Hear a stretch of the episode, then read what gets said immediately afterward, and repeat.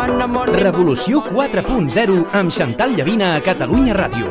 Dissabtes i diumenges de 10 a 11 de la nit.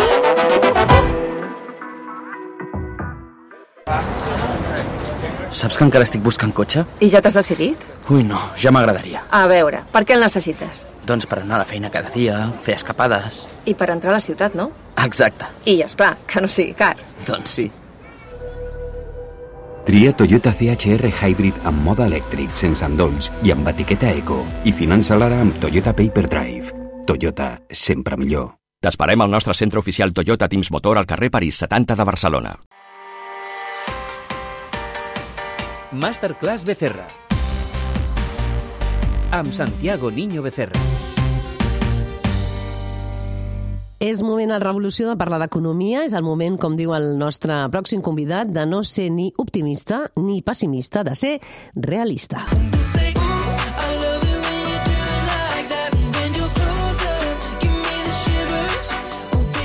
Avui que parlàvem de futbol i del futur que pot tenir, després de veure, per exemple, el que està passant al Barça, amb la marxa de Messi de molts jugadors per rebaixar massa salarial, creus que la bombolla del futbol ha esclatat? Santiago Niño Becerra, bona nit. Què tal? Bona nit, bona nit. A veure, mm, jo, sota el meu punt de vista, mm, i des d'una perspectiva purament econòmica, eh, s'ha criticat moltíssim eh, el, el salari, la remuneració que perceben els jugadors de futbol eh, perquè es considera exagerada. A veure, jo, jo crec que mm, això s'ha de mirar d'una altra manera. Si mm, llegíssim als diaris o sentíssim per la, per la ràdio, per la tele, que una empresa siderúrgica s'ha gastat mil milions d'euros amb un nou tren de laminació, eh, d'acer, mm, tots diríem, vale, pues, si el necessita, pues endavant. Bueno, pues un jugador de futbol mm, és com un, com un tren de laminació. És a dir, un jugador de futbol, una plantilla d'un club de futbol, és eh, com eines, és un bé de capital té una empresa. El que passa és que eh, un, un equip de futbol el que genera és espectacle. I sentiments i no sé quantes coses més. Però bàsicament genera espectacle i ven espectacle. Llavors, mm, mm, estem bueno, amb un Sí, sistema però, marcat. però ben, ben espectacle, eh, i el que preguntava fa un moment als convidats, no? una entrada val 100 euros no? per anar a veure futbol, i cada vegada aquestes plataformes que hem comentat, eh, Twitch, de veure futbol a través de Twitch, o altres plataformes, als joves els hi surt més econòmic. No creus que la tendència és potser que els joves desconnectin de l'afició i deixin de voler anar al camp perquè els hi surt més barat mm, des de- d'una altra manera? Bueno, eh, més és- econòmic? És, és possible, és possible. De tota manera, o sigui, la pregunta és si eh, els camps eh, continuaran la gent, siguin joves o sigui, o sigui gent gran. Mm. De tota manera, a mi m'agradaria saber mm, qui, quin percentatge dels ingressos total d'un equip, però d'un equip punter, eh, representen les entrades de futbol. Eh? Ja. No, no, està clar, que no es mou molt de, molts diners per publicitat, per màrqueting, uh, però bé, a banda del futbol, la notícia també de la setmana, comentar-la amb Santiago Niño Becerra. A veure, 250 euros pels joves, expliquem això, Pedro Sánchez va anunciar aquesta setmana que es posava en marxa eh, un bonus jove d'ajuda al lloguer, i aquesta prestació està dotada per 250 euros, que tindrà una vigència de dos anys i que la podran um, rebre els joves d'entre 18 i 35 anys que tinguin rendes uh, o ingressos anuals inferiors a 23.000 euros. Què et sembla? Una bona mesura per, per ajudar els joves? A veure, Chantal, jo penso, jo penso que eh, la, la política de vivenda no ha d'estar basada en subsidis ni en ajuts. Mm, és a dir, agafem dos països d'Europa que no tenen problemes de vivenda, com són Àustria i Països Baixos.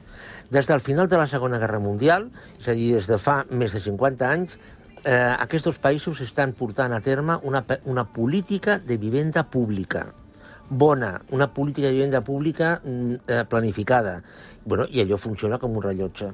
Eh, aquí, a Espanya, s'ha apostat des de sempre per eh, donar crèdits perquè les persones comprin una vivenda.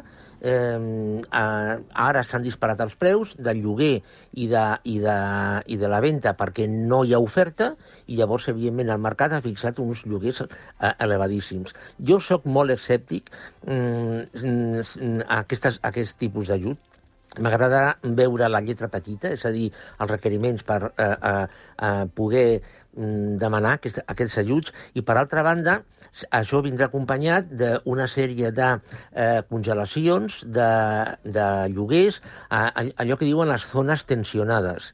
Eh, és a dir, a base d'uns paràmetres i uns índexs que fixarà l'Estat. Mm, mm, això no és àgil, eh, no, no és àgil, mm, Chantal. Sí, però jo Mm, m'imagino, eh, ningú- que, jo m'imagino, Santiago, molts joves, eh, amb 250 euros lloguen una habitació, val? Eh, habitualment, perquè això passa, perquè tenen sous més, més baixos. Amb aquesta ajuda de 250 estem parlant de 500, home, 500 euros, mm, hi ha pisos de lloguer a 500 euros, per tant, dona aquesta ajuda, no?, que potser joves que estan en una habitació d'un pis poden anar a un pis. D'entrada, Chantal, una altra vegada, m'agradarà veure la lletra petita, és a dir, qui, quines són els requeriments per a, assolir aquesta, o per demanar aqu aquest ajut. Però és que, per altra banda, recorda el que va passar eh, eh, a l'època de l'Espanya va bien, eh, que es, va, es van donar crèdits a dojo i com era molt fàcil tenir un crèdit del 130-140% del valor de la vivenda, els preus de la vivenda, això va ajudar que els preus de la vivenda es disparessin. És a dir, la pregunta és, eh, absorbirà el mercat aquest, aquest ajut i com saben que mm, molt jovent o bastant jovent tindrà aquest ajut, no, això no repercutirà un increment de preus? I això entra de banda, per altra banda entra allò que dèiem de la limitació per les zones tensionades. Mm, No em sembla àgil això, Chantal, no em sembla àgil. O sigui, no t'agrada la mesura. Home, a, a ajudar una mica més als joves, això sí, però tu no t'agrada. Sí, però jo torno a dir, política de vivenda pública, que es posi en marxa això. Una altra notícia d'aquesta setmana que ens ha sorprès a tots, els treballadors de Desigual, la marca de roba Desigual, voten aquesta setmana si treballen 4 dies a la setmana amb menys sou. Dos de cada tres treballadors hi han de votar a favor perquè prosperi la proposta de reduir la jornada un 13% i el sou un 6,5%. Què et sembla aquesta idea? Bueno, d'entrada... Afecta 500 treballadors eh, de la seu central de Desigual a Barcelona. Sí. A veure, això, això mm, d'entrada depèn de l'empresa que eh, vulgui fer això. A Haim, per exemple, hi ha una empresa que és tecnològica que també ho ha fet. I, i ho ha fet, ha reduït un, un dia de feina a la setmana i sense reducció de salari. Eh, bueno, mm, a veure, tot això depèn de si incrementes la productivitat i incrementes la facturació. Llavors, l'empresa ha d'invertir eh, i per cobrir aquest dia i llavors bueno, tirar cap endavant. Mm, a mi la, la mesura em sembla bé, mm, però, però torno a dir, això és per a algunes empreses, no és per totes les empreses. Eh, a Telefònica, per exemple, mm, s'ha fet també un referèndum, o es, o es va fer eh, fa pocs, poques setmanes un referèndum, i mm, bueno, no, només em sembla que el 10% dels treballadors van dir que sí. És a dir, depèn molt de la característica de l'empresa, de què es dediqui, si, si, és intensiva a capital o és intensiva en treball, vull dir, depèn. Depèn. Clar, Desigual, mm, recordem que va tenir pèrdues l'any passat i l'empresa nega que sigui un estalvi de costos i assegura que l'objectiu de la mesura és afavorir la conciliació, la flexibilitat i el benestar del treballador. Jo no sé si, si penses això. També, com deies, mm, Telefònica eh, doncs està pensant ja, eh, proposar aquesta reducció de quatre dies. Tot això ve de la pandèmia eh, i de fer més teletreball a casa. Mm, jo, jo crec que no ve de la pandèmia. És a dir, la pandèmia en tot cas ho ha afavorit. Eh, això ve de que les empreses eh, d'una certa dimensió, evidentment, s'han plantejat molt seriosament incrementar la productivitat. I jo torno a dir, és possible reduir la jornada sense reducció de salari. A, a desigual, jo no crec que aquesta reducció de, de temps de treball i de salari sigui per reduir costos, perquè estem, estem mm, dient de que un 6-25% no? eh, es, reduir, es, es redueix el salari dels treballadors de desigual un 6,5 de, de massa salarial sobre el total de costos d'una empresa com a desigual, això no li resol la vida a ningú.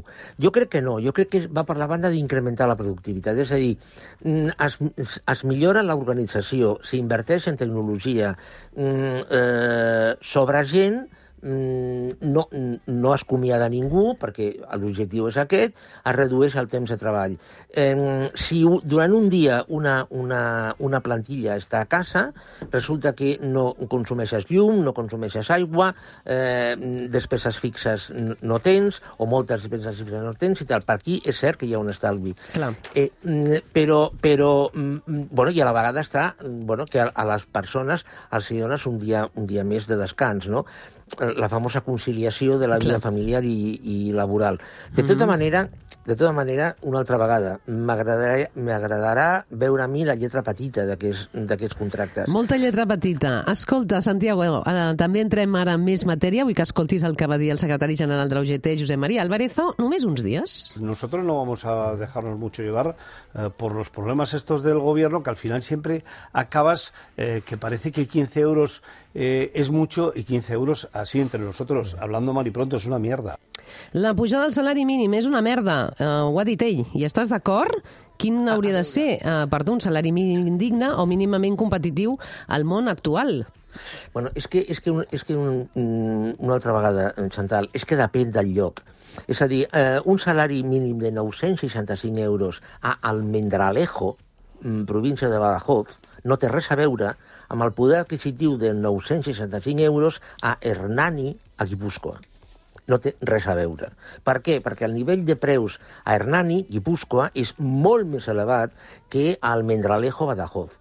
Jo crec que el salari mínim tindria d'estar, i els increments de salari mínim, tindrien d'estar en relació amb el poder adquisitiu de les, de les zones, de les àrees. Això ho ha plantejat el senyor Garamendi, que és el, el president de la COE, i estic totalment d'acord amb ell. Per cert, eh, la llum com la portes? M'has encenent molt la llum, Santiago? Bueno, la llum, De ja que em preguntes... No, perquè aquesta continua pujant, eh? L'electricitat continua el seu festival de rècords. Fa uns dies va arribar a 200 euros al quilowatt hora i tu dius, suposo que amb ironia, que el límit legal a la Unió Europea són de 3.000 euros. Què vol dir aquesta xifra com a límit? És que és veritat, o sigui, són 3.000 euros. Eh, és a dir, mm, en teoria mm, hi ha recorregut perquè el preu de la llum continuï pujant i jo crec que encara pujarà més. Eh, a no ser, a no ser i, i, i no sé si això la Unió Europea ho, ho permet, que eh, de forma generalitzada es comenci a subvencionar la- l'electricitat a consumidors o a empreses, etc etc.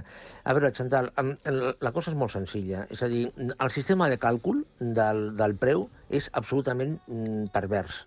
Eh, perquè resulta que l'energia més cara és la que determina el preu general del megawatt. Mhm. Això, això és, és pervers, Clar. pervers.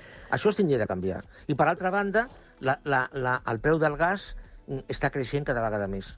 Per acabar, per acabar eh? Ah, ah, digues, el preu del gas estava creixent i volies acabar, digues? Sí, i, i clar, i, i els drets d'emissió, el preu dels drets d'emissió, que és el que necessites per produir electricitat amb gas, també està pujant, amb la qual les expectatives del preu de la llum no són a la baixa. Eh? Per acabar, t'estàs plantejant utilitzar energia renovable o una tarifa plana, Santiago? Home, eh, ta- tarifa plana no, perquè no. Eh, si tingués, si tingués, si pogués fer la inversió, l'energia solar avui dia ja és, ja és Clar. per pensar-t'ho. Eh, una instal·lació de casa domèstica Mhm. mm, que no tinguin moltes històries, entre 7 i 8 anys ja la- ja l'amortitzes. Molt bé. Eh, amb la qual cosa, bueno, és per pensar-s'ho, evidentment. Santiago Niño Becerra, ens han quedat més temes pendents, però com sempre, tres cops al mes el tenim al Revolució 4.0, per tant, el podeu escoltar sempre i ja sabeu, teniu tot, també tots els podcasts que ens ha fet Santiago Niño Becerra pel Revolució. Una abraçada ben gran. Gràcies, Chantal. Bona nit, bona nit. Bona nit.